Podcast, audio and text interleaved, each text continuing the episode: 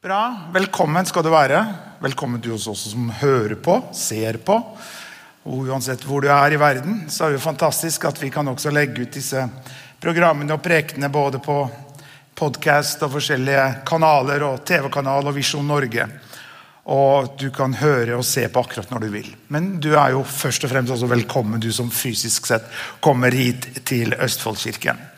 I dag skal jeg preke mitt eh, julebudskap. Eh, Dette er min preken nå i desember. Eh, Og eh, så får vi se hvordan det går. Og da tenkte jeg ok, så dette med jul, hva skal du kalle din preken for? Og da tenkte jeg bare enkelt å kalle den for Jul i hjertet. Eh, Vi lever i en veldig spesiell tid.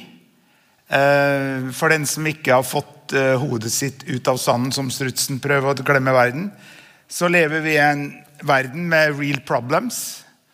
Og på en måte må jeg jo si, Vi har jo bodd eh, mange år i utlandet. Vi fant ut at du har nesten bodd 20 år i utlandet. Bodd 14 år i Afrika.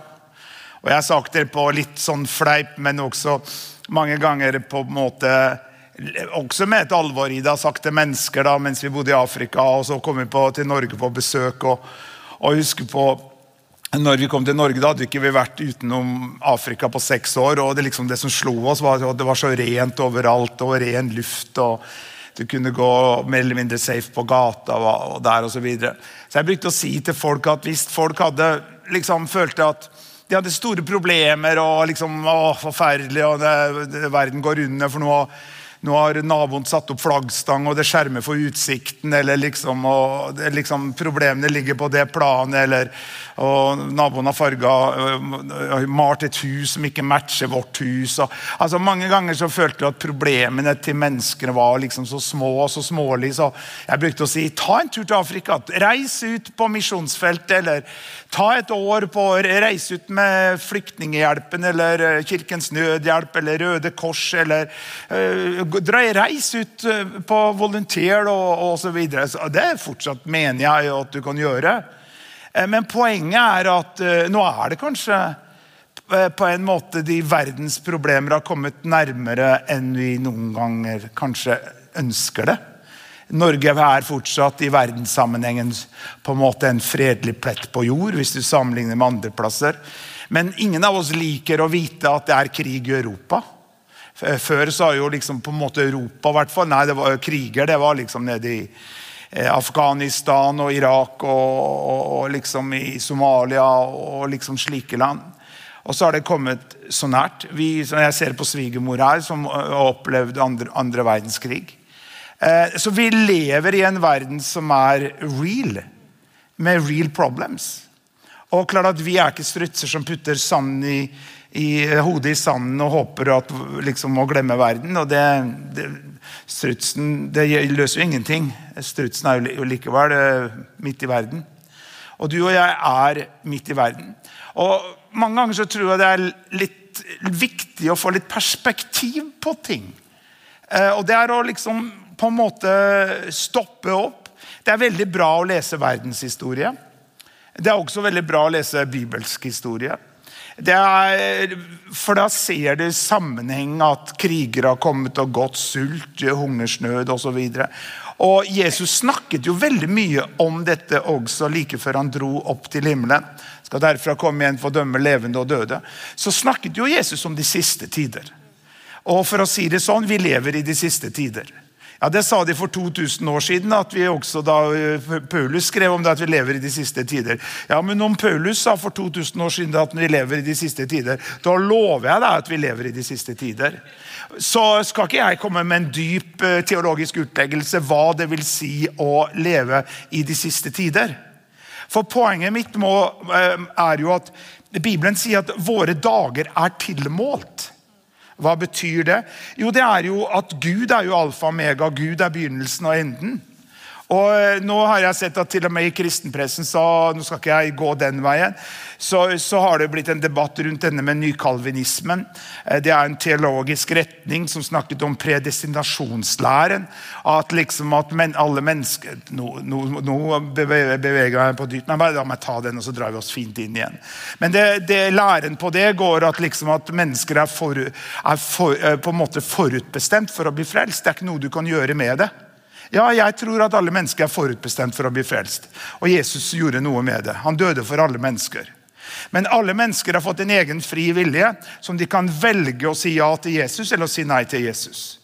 Selvfølgelig Gud, som er alle, eh, alle tings opphav, han som er begynnelsen og enden. Han vet jo hvem som kommer til å si ja og si nei. Men det er ikke dermed sagt. Og for at Mange sier at ja, men en gang frelst, alltid frelst. Jeg skulle gjerne ønsket at det var sånn. Jeg skulle virkelig ønsket at hvis man er en gang frelst, så, så, så, liksom, så, så er man alltid frelst. Men sånn er det ikke, tror jeg. da. Og jeg må jo preke ut ifra det lys jeg har. For jeg hver dag står opp med, med frykt og beven. Jeg hver dag velger å ta mitt kors opp og følge Jesus Kristus. Jeg hver dag bekjenner Jesus Kristus som min frelser og herre. Jeg lar det ikke bare skure og gå. Nå kan jeg leve og gjøre akkurat som jeg vil, for nå er jeg jo en gang frelst, alltid frelst. Og, og, Når man kommer inn i den form av debatt at hva kan man tillate seg og likevel uh, kalle seg en kristen? Hvor langt ut i verden, hvor langt unna Gud kan man kalle seg uh, og likevel være en kristen? Hvor langt kan man strekke nåden seg for at det er liksom om man likevel klarer å karre seg inn i himmelen? Så er man allerede på totalt feil vei. Istedenfor å snu det på og tenke hvor nært kan vi leve Jesus? Hvordan kan vi leve så at vi ærer Han med våre liv, våre gjerninger? Og Jeg har sagt det igjen og igjen, det er of one, at det er egentlig det eneste som teller noe. Når du og jeg en dag skal stå framfor Jesus Kristus. Og det man strekker seg etter, er å få høre 'vel gjort til gode og trofaste tjener'. Og jeg ønsker å si med Paulus vi har fullført løpet. Bevar troen i en god samvittighet. Så våre dager er tilmålt. Hva betyr det? Gud vet hvor mange dager vi kommer til å leve her på jord. Det er ikke dermed sagt at da, da på en måte er det Gud som står bak. da, At små barn dør i ulykke og, og sykdom og kreft osv. Og, og, Dette er jo store ting jeg bare toucher innpå her nå. Jeg, bare liksom, jeg tar meg ikke tid til å gå inn i dype ting, men sånn, det er liksom det spørsmålet som da, midt i disse juletida hvordan kan, hvordan kan det være en gud, og hvordan kan man snakke om fred på jord og kjærlighet og fredens budskap og julebudskapet midt i en verden som er så vond? Fordi at vi er såpass våkne at vi ser at verden er ond. Men verden er jo også god på mange måter. Og Dette er for meg et uttrykk at vi, når det fins så mye ondskap i denne verden, når det fins så mange mennesker som med overlegg gjør slike vonde gjerninger både mot nasjoner, mot mennesker, mennesker som forbryter seg mot barn osv. En ondskap som er ubeskrivelig. Så for meg så blir da det Det styrker troen på at hvis det er så mye mørke, hvis det er så mye vondskap i denne verden, så er det nødt til også å være en god kraft. En, et, et lys som stråler. Og det tror jo vi på er Jesus Kristus, evangeliet, om, om en frelser som er oss gitt. Så For meg så blir jo den kontrasten mellom lys og mørke kanskje, kanskje enda sterkere i, i, jula. Men eh, det var innledninga. Jul i hjertet. La oss kjøre noen bibelvers her. Oi, det kom litt annerledes i powerpoint enn en keynote. Ok, La meg lese. Dette er jo det vi kaller juleevangeliet. Lukas kapittel 2, fra vers 8 til 11, så leser vi. Nå var det noen gjetere på det stedet som oppholdt seg ute på marken og holdt vakt over flokkene sine om natten. Og se, en Herrens engel sto foran dem, og Herrens herlighet strålte rundt dem, og de ble meget redde. Da sa engelen til dem, vær ikke redde, for se, jeg forkynner dere en stor glede, som skal bli hele folket til del. For i dag er det født dere en frelser i Davids by. Han er Kristus Herren. Eh, La meg si her eh, Gjeterne ble redde av Guds herlighet. Guds herlighet var jo noe godt. Men alt som er nytt, alt som er fremmed, kan være avskrekkende. Kan, være, kan, kan vi reagere med redsel på, for det er vi ikke vant til. Guds herlighet lyste opp, men de ble redde. Så at englene sier, 'Vær ikke redde, for jeg forkynner dere en stor glede' som, det, som skal bli hele folket til del. Og Det viser denne universet frelser som at evangeliet om Jesus Kristus var ikke bare gitt til jødene, som de første apostlene trodde. Men det var ikke bare gitt til Afrika, var ikke bare gitt til Midtøsten, var ikke bare gitt til de som levde på den tiden. Men det er et gledens budskap som hele folket skal få en del av. Ja, hva er det, da? Jo, Det kommer jo vers 11. For i dag er dere føtter en frelser i Davids by. Han er Kristus Herren. Når det ble sagt, så var jo Jesus bare en liten baby og som lå og født i en stall. Men englene talte om det som skulle komme. Og Hvis vi leser videre i Lukas 2, fra vers 12, så leser vi og dette skal dere ha som tegn. Dere skal finne et barn som er svøpt i lintøy, og som ligger i en krybbe. Og Straks var det en skare av den himmelske hær sammen med engelen, og de priste Gud og sa, ære være Gud i det høyeste, og fred på jorden, Guds velbehag blant mennesket eh, blant menneskene. En annen oversettelse sier eh, og Guds velbehag for de som har Guds favør over sitt liv. Men her kommer jo dette som kanskje mer enn noen gang i dette året er mange ganger problematisk for mange å sluke. Og det er jo dette uttrykket 'fred på jord'. Og som, som jeg har sagt, at Det er viktig at du leser verdenshistorien. Også lese bibelhistorien. Bibelhistorien er jo en del av verdenshistorien. Mange mennesker som kanskje ikke tror på Jesus Kristus, bruker allikevel bibelske skrifter som en historisk bok eh, som beskriver i detalj hendelser som har skjedd opp gjennom eh, flere tusen år. Og det beskriver jo mange ganger krig, eh, konflikter, hungersnød osv. osv. Ja, Men hva menes da når englene snakkes om fred på jord? Ære være Gud i det høyeste og fred på jorden. Det blir liksom sånn We wish. We wish you all a merry Christmas. ikke sant? Ja, Fred på jorden, da. Guds velbehag blant menneskene. Hva menes med eh, Guds velbehag blant menneskene? Nå skal jeg ta et annet lite dypdykk her. Guds velbehag over menneskene kom gjennom Jesus Kristus. Det startet, hvis du husker på her, jeg tar litt en sånn dypdykk her, når Jesus steg fram fra på en måte denne private sfæren som han hadde levd i. Levd som snekker, levd i det stille, men nå har han steppa ut, ble døpt av Johannes døperen. Husker dere? Og det kom en røst ned fra himmelen som sa, 'Dette er min sønn, i ham har jeg velbehag'. Og De lurte på hva det, hva var det her? Jo, da er dette samme uttrykket brukt. Det ble talt over Jesus Kristus når han startet sin offentlige tjeneste. Hvor, en, hvor Guds engler sa 'Dette er min sønn, den elskede. Ham har jeg velbehag'. Guds velbehag var lagt over Jesus og fulgte Jesus gjennom, gjennom lidelse, gjennom, eh, gjennom Golgata og, og, gjennom oppstandelsen fra de døde. Så at når da det står i Bibelen her at Guds velbehag har blitt lagt over menneskene, så er det på grunn av Jesus Kristus. Så Gud sier egentlig Nå snakker jeg liksom litt sånn dyp teologi, på en måte. Men, men Gud sier det samme om alle mennesker som har tatt imot Jesus Kristus. Jeg har velbehag over deg. I'm pleased with you, my daughter. I'm pleased with you, my son. Hvorfor? På grunn av at jeg ser deg gjennom Jesus Kristus. Hva?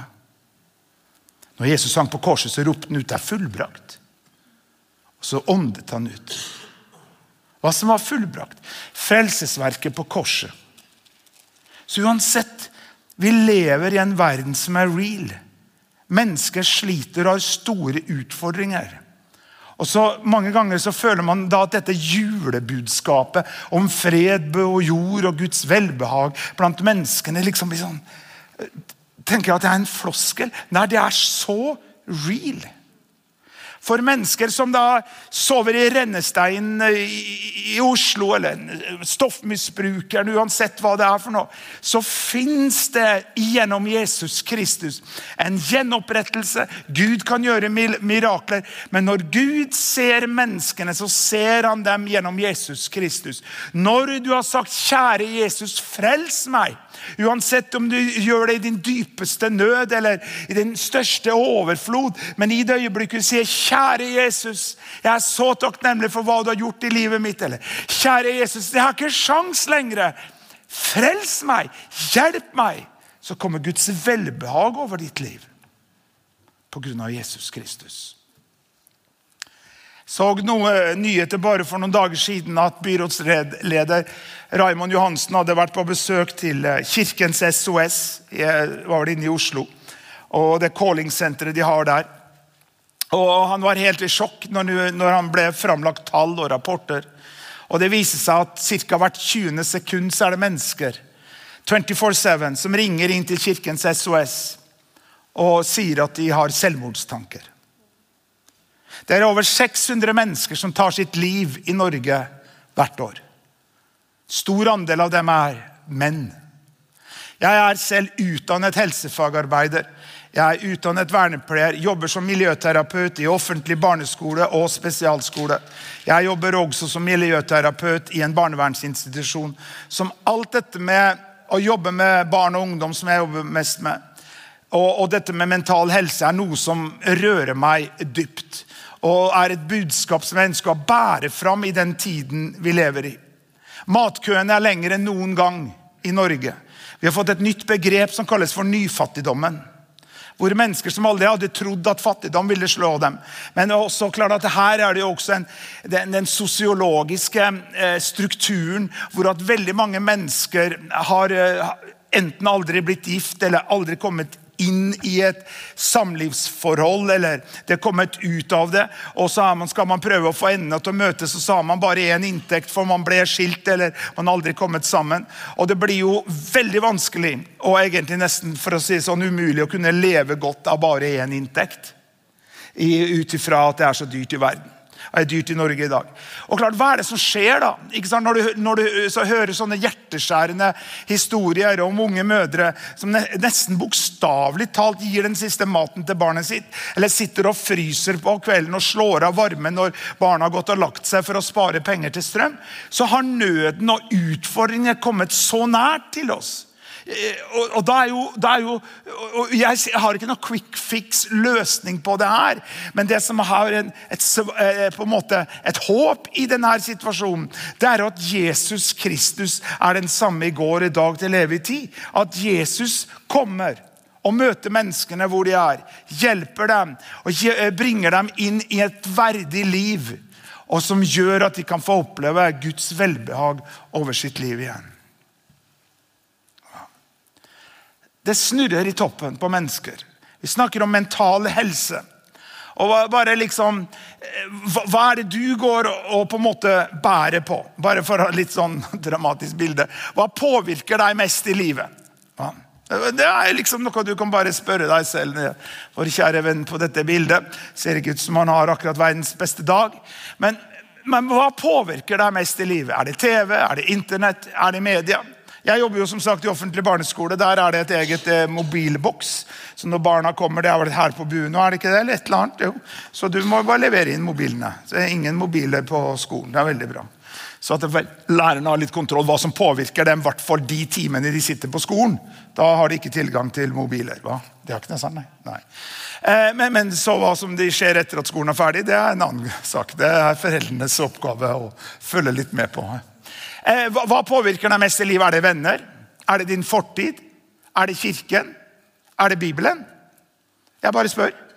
Men det som påvirker deg mest i livet, om du liker det eller ei, det er det som du tenker mest på. Det er det som styrer ditt liv. Ordspråksboken 23,7, for du som har fulgt med mine prekener, er en av mine yndlingsvers. og Det står at slik et menneske tenker i sin sjel, slik er man. Og Her snakker man ikke om flyktige tanker som kommer og går, men det er tankemønster som på en måte graver seg dypere og dypere inn i din sjel. Hva er det du går og tenker på mesteparten av tiden? Hva er det som maler på innsiden? For det er noe som maler på innsiden. Og det er ofte eh, Nå skal ikke jeg komme inn på det andre Korinterbrev 10, 3-5. Så snakker, snakker, Bibelen at, at, vi, eh, at det starter med en tanke utvikler seg til en tankebygning og blir til et festningsverk. Det starter med en tanke. Det starter med en enkel tanke. For eksempel, midt i denne tida, la oss si at en alenemor med to-tre barn og virkelig begynner å bekymre seg for hvordan det skal gå. Og lurer på hvordan hun skal få betalt strømregninga, eller hvordan hun skal få penger til mat. Det er en reell utfordring som, eh, som man, vi, også staten og alle mennesker omkring, må gjøre alt man kan for å kunne hjelpe mennesker. Og ha en et sosial struktur som vi klarer å fange opp mennesker som ikke klarer seg selv. Det er jo det egentlig et samfunn skal være. Det er for å vise omsorg og kjærlighet og hjelpe vår neste. Men så, da, i den mange, hvor du er bekymret for hvordan det skal gå, om du får betalt strømregninga, om du har penger til mat, så begynner det å, å komme ja, men Tenk da, Tenk om barnevernet kommer på døra. Tenk om, om, om barnet mitt blir syk og blir lagt inn. Og, og, og, så, og så begynner denne negative tankespiralen og begynne å spinne på innsiden av deg. Så at en enkel form av bekymring bare, det bare kladder på seg. Det blir mer og mer. og Du kjenner du begynner å få sove dårlig om natten. Du begynner å bli anspent på jobben. og så begynner å bekymre deg hva om jeg mister jobben. Og, og så blir det en slik negativ spiral som er på innsiden av deg. Her ute kan det være greit. Kanskje du klarer å keep up the appearance. og Kanskje fortsatt driver du og trener litt, går på trenings treningsstudie eller tar deg en løpetur. kjempefint. Men, men, på innsiden så spinner dette bare kraftigere og kraftigere inni deg.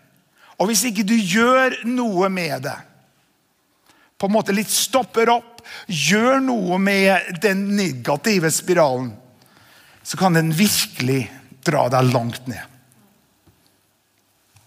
Og I verste fall når du hører om mennesker som tar selvmord, og hører om mennesker som har sagt og og en far som sto fram en kjent profil flere år tilbake.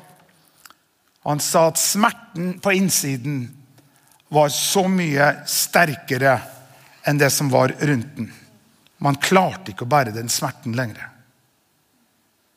Og her kommer Jesus med fredens budskap.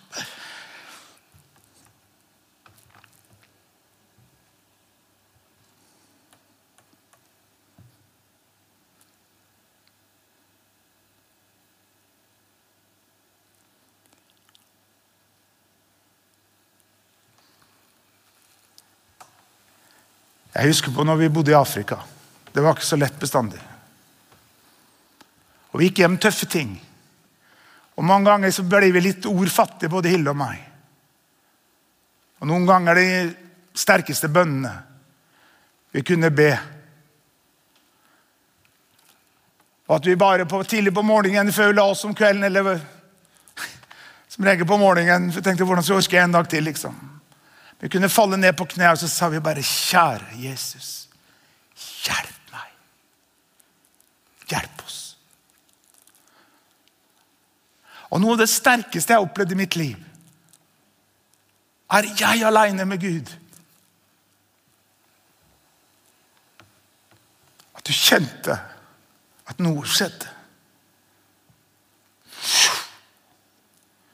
Du kjente at noe som løfta. Du kjente det var noe som kom.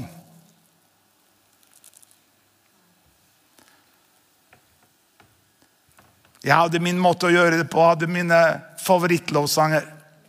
And I'm, uh, Lord, you are more precious than silver. Lord, you are more costly than gold. Jeg kunne liksom, Da barna hadde lagt seg, kanskje Hilde hadde lagt seg, bare satte den på. Sang igjen og igjen og igjen. Inntil jeg kjente at noe skjedde. At, at på en måte det, det heavy trykket løfta. Noe annet kom. Lyset kom. håpet kom. Og det er det som jeg tror egentlig Vi snakker om Guds velbehag blant menneskene. Mange ganger så hørte jeg eller kanskje ikke noe, en stemme som sa at å, liksom. Du bare kjente at noe forsvant, og noe kom. Og det er liksom, Vi synger jo sanger om at, du, at Gud løfter det hevenes av, av våre skuldre. Men dette er tilgjengelig for oss alle sammen 24-7. Ja, Men hvorfor måtte du synge denne sangen igjen og igjen og igjen, da, Erik? Nei, fordi at jeg på en måte, Derfor sier jo Bibelen i Hebreerne 12 tror jeg det er, at vi ikke skal la synden som så lett henger seg fast på oss. Synden som så lett henger seg fast på oss.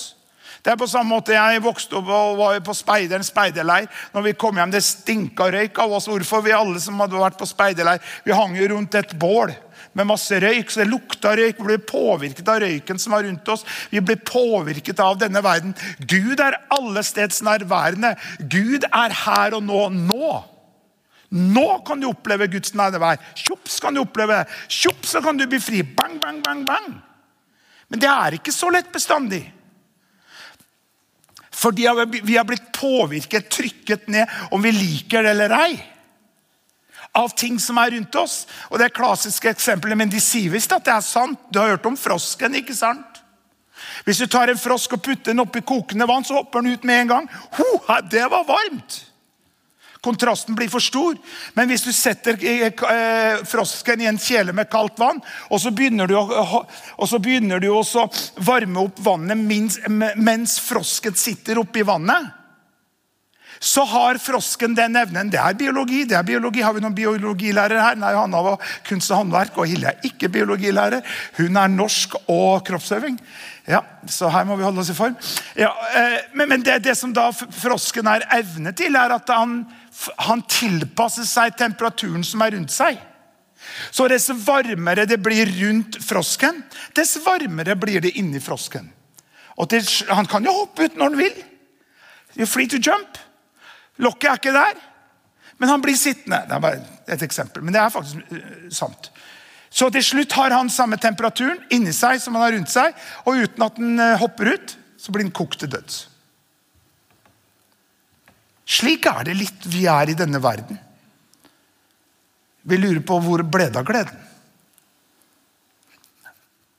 Hvor ble det av begeistringen over kirken? Tilbake til, gutten, til mannen i T-skjorta. Hva er det som påvirker oss? Hvor, hvor ble det av, av, av, gleden over frelsen? Hvor ble det av begeistring av å gå på bibeltime? skulle du se? Det er nesten ingen kirker som har lenger. Ja, sånn er det. Men, men, men skjønner du hva jeg mener? Vi har ikke merket det engang, for vi har blitt så innhyllet i denne verdens måte å tenke på. Jeg skylder skyldig som vi, alle av oss. Hvor mange ganger sjekker vi ikke nyhetene i løpet av en dag? Instagram, Facebook, you name it. Men det vi ikke merker mange ganger, hvor er din glede i dag? liksom Fra en skala fra 1 til 10. Det, vet det er jo sånn undersøkelse hele tiden, både i kommunen vet du, sånne, også undersøkelser på høyskolen. og De skal vite hvor bra vi syns undervisningen var på høyskolen. Og så, videre, og så er gradert fra 1 til 10 osv. Men ja, men grader deg sjøl litt, da. Hvor er du i dag, da? når det gjelder liksom, Hvor lykkelig er du i dag? Det høres veldig platt ut, det høres veldig American ut, men ta den her. Hvor er du i dag, da? Hvor lykkelig er du i dag sammenlignet med fem år siden? Liksom fra én til ti, ikke sant? Du trenger ikke å gi noe tall. Ja, men Det er jo bra å stoppe opp litt. Er det ikke det? Hvor er vi på vei? Sant? For Mange ganger så merker ikke vi at vi er av kurs. Du vet at Der du fester ditt blikk, det du fester ditt blikk, eller det du fester ditt sinn på, det er det, den veien du går. Hvis jeg eh, bestemmer meg jeg skal gå rett fram, jeg skal gå rett fram, men jeg ser til sides hele tiden, så tror jeg det er nesten umulig å klare å gå rett fram, for du vil bli dratt imot det du har festet ditt blikk. Og Da har jeg et nytt bibelvers til deg. vet du. Og det er eh, Skal vi se Kommer det ikke opp her, da? Her. Filipperne 4,8 fra Living Bible sier Fiks dine tanker på det som er sant, godt og rett. Tenk på de ting som er rene og kjærlige, og dvel ved de fine og gode ting i andre. Tenk på alt du kan prise Gud for og være glad over. Fix your thoughts on what is true, good and right. Think about things that are pure and lovely, and dwell on the fine good things in others. Think about all you can praise God for and be glad about, and keep putting into practice all you learned from me and saw me doing. And the God of peace shall be with you. Har lært meg den utenat, faktisk. Så kan du jo spørre hvorfor. Den er en lang historie. Det får vi ta en annen gang. Hallo. Hva fester du ditt sinn på? For hvis du ikke fester deg på noe, så er det noen i denne verden som vil hjelpe deg til å få det festet på noe. Som vil stjele din glede, som vil stjele ditt overskudd. Det gjør seg ikke av seg sjøl. Hvis du bare legger bort kirken, altså slutter å ha noe med kirken å gjøre og er tilbake til mannen i helsetrøya. Han er ikke julenissen for meg. Han kommer ikke på døra til oss. Det er ikke julenissen min. Okay. Anyway. Men, men, hvis du bare, bare, Jeg anbefaler ikke å prøve det, men hvis du slutter å be, slutter å lese Bibelen, slutter å gå på møter, slutte å høre lovsang, Slutte å ha noe med andre kristne å gjøre, bare være sammen med ja, bare være med folk som bare Det er liksom lørdag da er du Ja, nei, vi, vi går ikke der. Ja, men du skjønner hva jeg mener? Bare legg bort alt det som på en måte før var det du forbindte med noe positiv innflytelse. Eh, liksom en kristen, eh, in, eh, in, in, kristen påvirkning. Så garanterer jeg deg at gleden vil forsvinne. Hva? Garanterer deg og så videre. Men poenget er det hvor er du og jeg i dag sammenlignet for fem år siden? Fordi at Hvis vi ikke gjør noe med det og bringer inn elementer Det kalles for vaner. Det står til og med om Jesus at han gikk inn i Getsemane hage tidlig om morgenen, som var hans vane. står Det Det var hans vane da å gå og be og være alene med Gud. Så nå skal jeg bare liksom ta deg Hvordan ha den verste julen noen gang, hvis det er det du er ute etter. Så bare skummer jeg gjennom noen punkt. Så hvis du er ute etter å få den verste julen du kan få nå i år, så her er noen punkter som jeg garanterer deg gir deg den verste julen. Fokuser på alt du ikke får gjort. Ikke gled deg til noe, for da blir du ikke skuffet. Forvent deg aldri noe godt. Tro at ting aldri vil bli bedre. Gi aldri noe til andre. Tenk hele tiden på alt negativt du har opplevd. Vær negativ og kritisk til alt og alle. Jeg sier med hånda på hjertet dette klarer jeg å gjøre med glans. Jeg trenger ikke anstrenge meg engang. Bare spør Hilde. Dette, dette, er jeg så flink på. Er, det er så naturlig for meg. Jeg trenger ikke å tenke på det. Det, det, det går av seg selv. Hvert, hvert et punkt. Jeg kunne også ha tatt med et annet ting. Jeg er også kjempeflink på å gråte over spilt melk.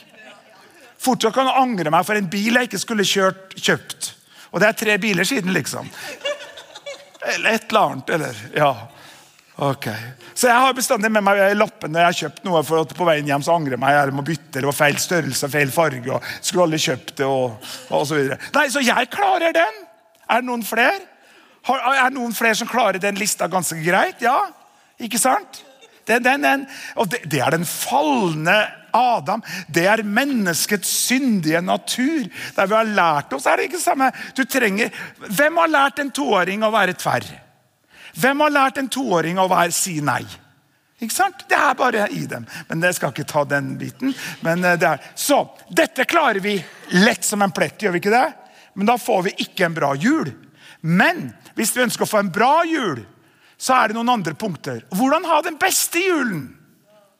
Det er å glede seg over alt du har fått gjort. Gled deg hele tiden til det som kommer. Forvent deg alltid noe godt. Ta alltid, Tro alltid at ting vil bli bedre. Gi hele tiden til andre. Tenk hele tiden på positive ting. Og vær positiv til alt og alle. Her må jeg anstrenge meg. Og det må du òg. I hvert fall på noen av punktene. Ja. Jeg kan være så sur. Jeg kan være veldig sur. Husker jeg en gang i 1982. Da var jeg sur. Nei da. Jeg må jobbe med det her. Jeg må jobbe med det her. Og la meg si det sånn at Noen ganger så kan det være fysiske, biologiske årsaker til at depresjonen banker på døra. Jeg jobber mye. Jeg jobber ekstra til og med. Bare ta på litt ekstra nattevakter og sånn. for Vet jo ikke hvor stor strømregninga blir etter hvert. Men skjønner du? Vi, vi, vi, har liksom sagt opp noen streamingtjenester og gått gjennom ting. og Hille er kjempeflink til å handle mat på tilbud. og liksom kjøpe mat som gikk ut for to år siden. og litt sånn, så bare, Det sparer masse penger. Vi bare velsigner maten. ut det mugget, bare Skrapa mugg og gikk ut for to år siden. Nei da, ikke to år, da, men går ut i morgen, liksom. Nei da, men du skjønner hva jeg mener. ikke sant? Men, men jeg, da, for eksempel, og hvis jeg jobber mye, så kan Hilde se at jeg blir helt tom i blikket. Og det er ikke så mange dager siden jeg var der. Og, men da har jeg lært meg, og, og Hilde kjenner meg at det var rett og slett at jeg sover for lite. Jeg jobba for mye. Da blir jeg deprimert. Ja. Da blir det alt tungt. Hva tenker du på? Nei, det er ganske tomt. Det kan bli på en måte, Du blir bare helt matt. Eh, du orker ingenting. Du gleder deg til ingenting. Du har ingen, eh, du har ingen glede. Du har ingen drive. Og da, Det jeg da gjør, er rett og slett å passe på å få nok søvn. Spise riktig. Og Hille og jeg tar den gode praten og prøver, Hille, Hille prøver å få meg ut av det skallet. For du, på en måte, du stenger deg inn i det skallet. Du stenger deg inn med dine tanker. Og det gjør ikke ting bedre. Hallo, Du må komme deg ut. Få skilpadda ut. Få skilpadda ut av skallet. Kom ut. Kom ut i Guds frie natur. Altså, kom ut. Snakk til meg. Hva, hva tenker du? Så det kan jo være også sånne ting, for at Hvis du er sliten og veldig trøtt over tid, kanskje skal gå til en, en legesjekk. Er det vitaminmangler? Er det noe du mangler i systemet ditt? For det kan slå ut med både depresjon og på mental helse osv. Men poenget mitt er at denne lista må vi jobbe med. Men det er verdt det. Vi får et godt liv. Vi får et godt liv, folkens. Men det gjør seg ikke av seg sjøl. Hvis ikke vi hele tiden drar oss nær til Herren, så Herren kan dra seg nær til oss. Hvis ikke vi gjør noe med, så blir vi engstelige som resten av verden. Men derfor det jeg ikke tid til å gå inn på de te tekstene nå. er jo at Jesus sa at eh, vær ikke bekymret for morgendagen. Morgendagen har nok med sin egen plage. I dag hjelper Herre. Jesus jo, sier jo at dere skal høre eh, rykter om krig, eh, men la dere ikke ja, her har jeg, jeg mente jeg hadde det. Se her, eksempel, Matteus 24, 6, så sier Jesus og dere skal høre om kriger og rykter om krig. Men så står det se da til at dere ikke blir skremt. For alt dette må skje, men enden er ikke ennå. Og la meg bare si Det sånn, det kommer til å gå bra til slutt. og Det er ikke en floskel som vi kristne bruker for at vi skal klare å overleve i denne verden. Vi, vi, vi tror på et evangelium, vi, vi, tror på en Guds teologi, en lære som ikke er på en måte er, har sitt opphav i Star Wars-filmer i Hollywood, men som er en bibelsk forankret lære. En realitet som har skjedd og som kommer til å skje. En dag så kommer Jesus tilbake og oppretter tusenårsriket tusen, år, tusen år med fred her på jord. Det kommer til å gå bra. Men det høres jo veldig egoistisk ut hvis vi kristne bare slenger ut av oss at ja, men det er ikke så farlig, vi kommer jo til himmelen om vi dør. Det høres jo litt sånn platt at vi bryr oss ikke hva som skjer i denne verden. Det gjør vi selvfølgelig. Men samtidig så er det en sannhet i det som gir meg som 60-åring, hvor jeg er kanskje litt over halvveis i mitt livsløp at det gir en trøst at dette livet er ikke alt. For livet går så svimlende fort. Det går så fort. Skulle gjerne vært en 40-åring i kroppen, men jeg ville gjerne fortsette å være en 60-åring i visdom og innsikt og erfaring.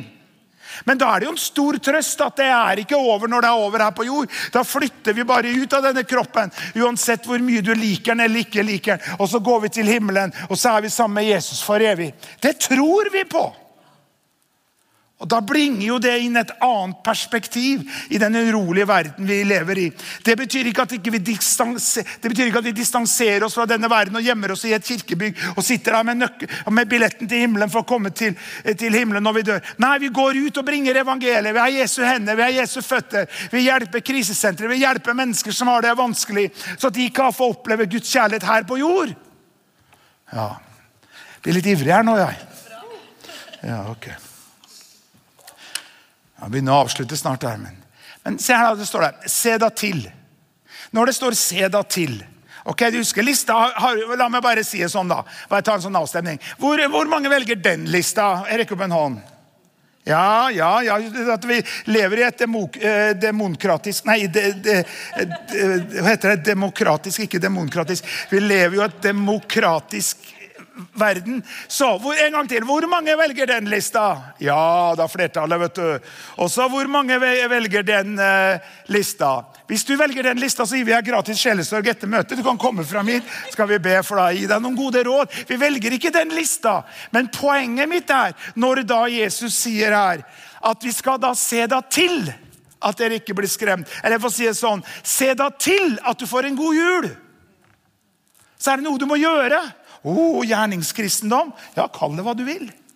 Men fruktene av det er at du får et godt liv. Og Her er det ikke snakk om at du og jeg skal gjøre noe så at Gud skal bli glad i oss og han liker oss og vel dan, liksom og alt det der. Nei, det er at du skal få et bedre liv. Ok, Nå må få lovsangerne komme fram her, så jeg kan begynne å lande her.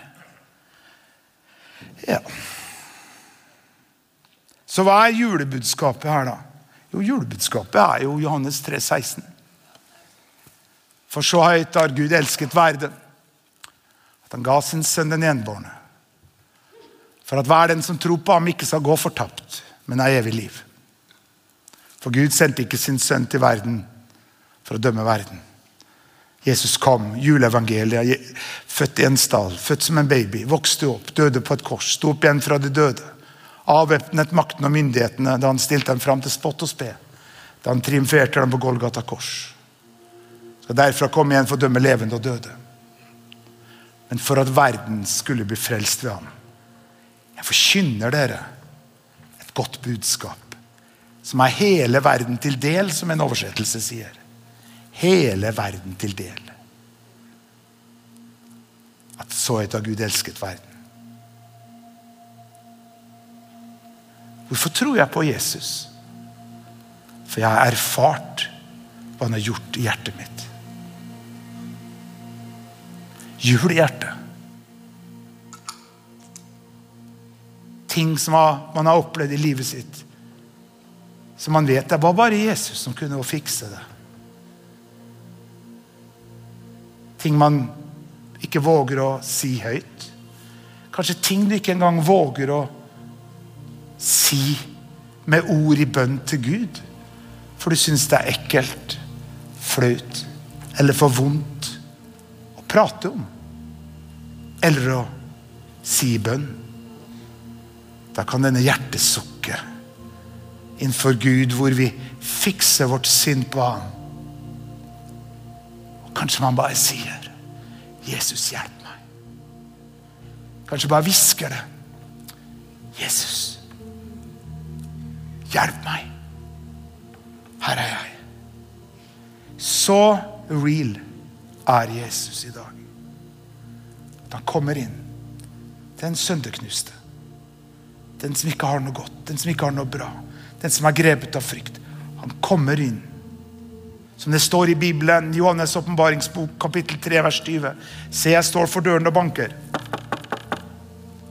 Om noen hører min røst og åpner sin dør, hjertets dør, så vil jeg komme inn til ham og holde fellesskap med ham, og han med meg. Som en annen oversettelse sier, holde nattvær med ham. Det er en uttrykk for intimitet, nærhet, fellesskap. Det å spise sammen har med intimitet å gjøre. Har med nærhet, har med relasjon, kommunikasjon. Jesus banker på ditt hjertes dør. Se da til at dere ikke lar dere bli skremt. Bare få opp det bibelverset en gang til. Se her, dere skal høre om kriger og rykter om kriger. Vi hører om kriger hver dag, folkens.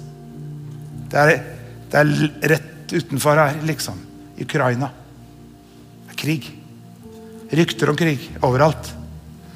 Men se da til at du ikke blir skremt. Men Jesus ville aldri bedt oss om å ikke være skremt hvis han ikke hadde gjort det mulig for oss at ikke vi blir skremt. Ser du det? Han sa, 'Skjerp deg', da. Ja, men hvis et barn ikke klarer å skjerpe seg, så er det ikke noe vits å si det. Og Jesus sier ikke 'skjerp deg', men han sa 'se da til at ikke dere blir skremt'. Ja, Hva har han gitt oss at ikke vi skal bli skremt? da? Han har gitt oss kirken. Han har gitt oss forkynnelsen. Han har gitt oss, han har gitt oss de femfoldige tjenestegavene som forkynner Guds ord til oss. Han har gitt oss bønn. Han har gitt oss Bibelen. Han har gitt oss lovsang. Han gitt oss nattverden. Han gitt oss dåpen. Alt dette hjelper oss at vi ser deg til. At vi bevarer gnisten i øynene, håpet. At Jesus Kristus er verdens frelser også i dag.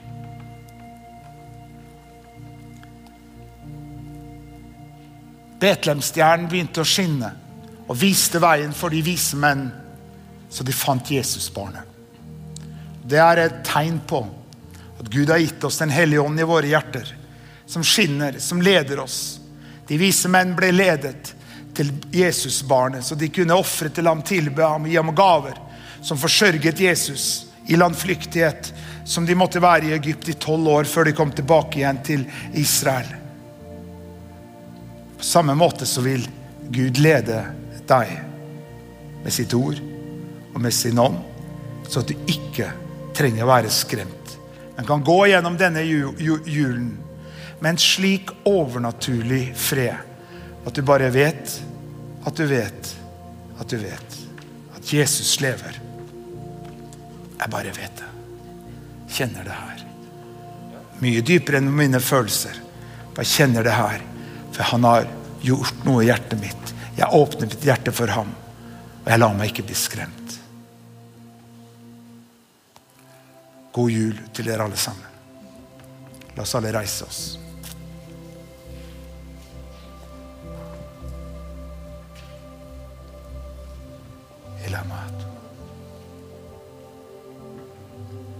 Fred gir jeg dere.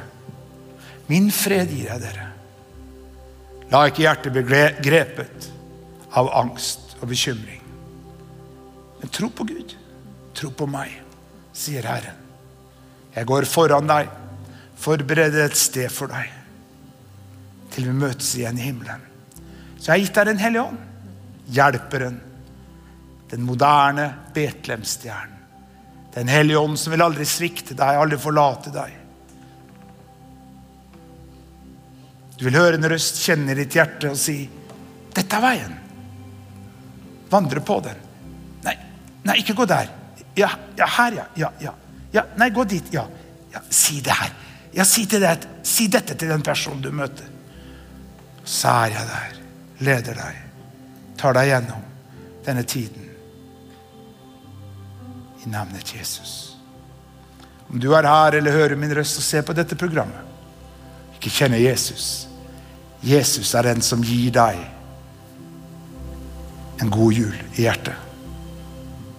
Jul i hjertet ditt ved å si ja til Jesus. Så bare ber jeg en enkle bønn og si, kjære Jesus, Kjære Jesus, kom inn i mitt hjerte. kom inn i mitt hjerte. Jeg tar imot deg nå Jeg tar imot deg nå som min personlige frelser som min personlige frelser og som min Herre. og som min Herre. Kom og skap sann jul i hjertet mitt, Jesus, Kom og skap sann jul i hjertet mitt, Jesus, og din fred og din fred som overgår all forstand som overgår all forstand i hjertet mitt. i hjertet mitt. Amen. Ta imot Herrens velsignelse. Herren velsigne deg og bevare deg. Herren la sitt ansikt lyse over deg og være deg nådig. Herren løfte sitt åsyn på deg og gi deg fred. Og gå i fred og tjen Herren med glede i Faderens, i Sønnens og Den hellige ånds navn. Og alle sammen sa Amen, amen, amen. Amen. Tusen takk for at du tuna inn og at du var sammen med oss på dette programmet. Vi håper det var til hjelp og til oppmuntring i din hverdag. Dersom du å ta kontakt med oss, kan du gjøre det via nettsida vår, østfoldkirken.no, og vi setter veldig pris på å få tilbakemeldinger dersom det programmet her har vært oppmuntring for det, eller til hjelp for det, så setter vi stor pris på å høre det.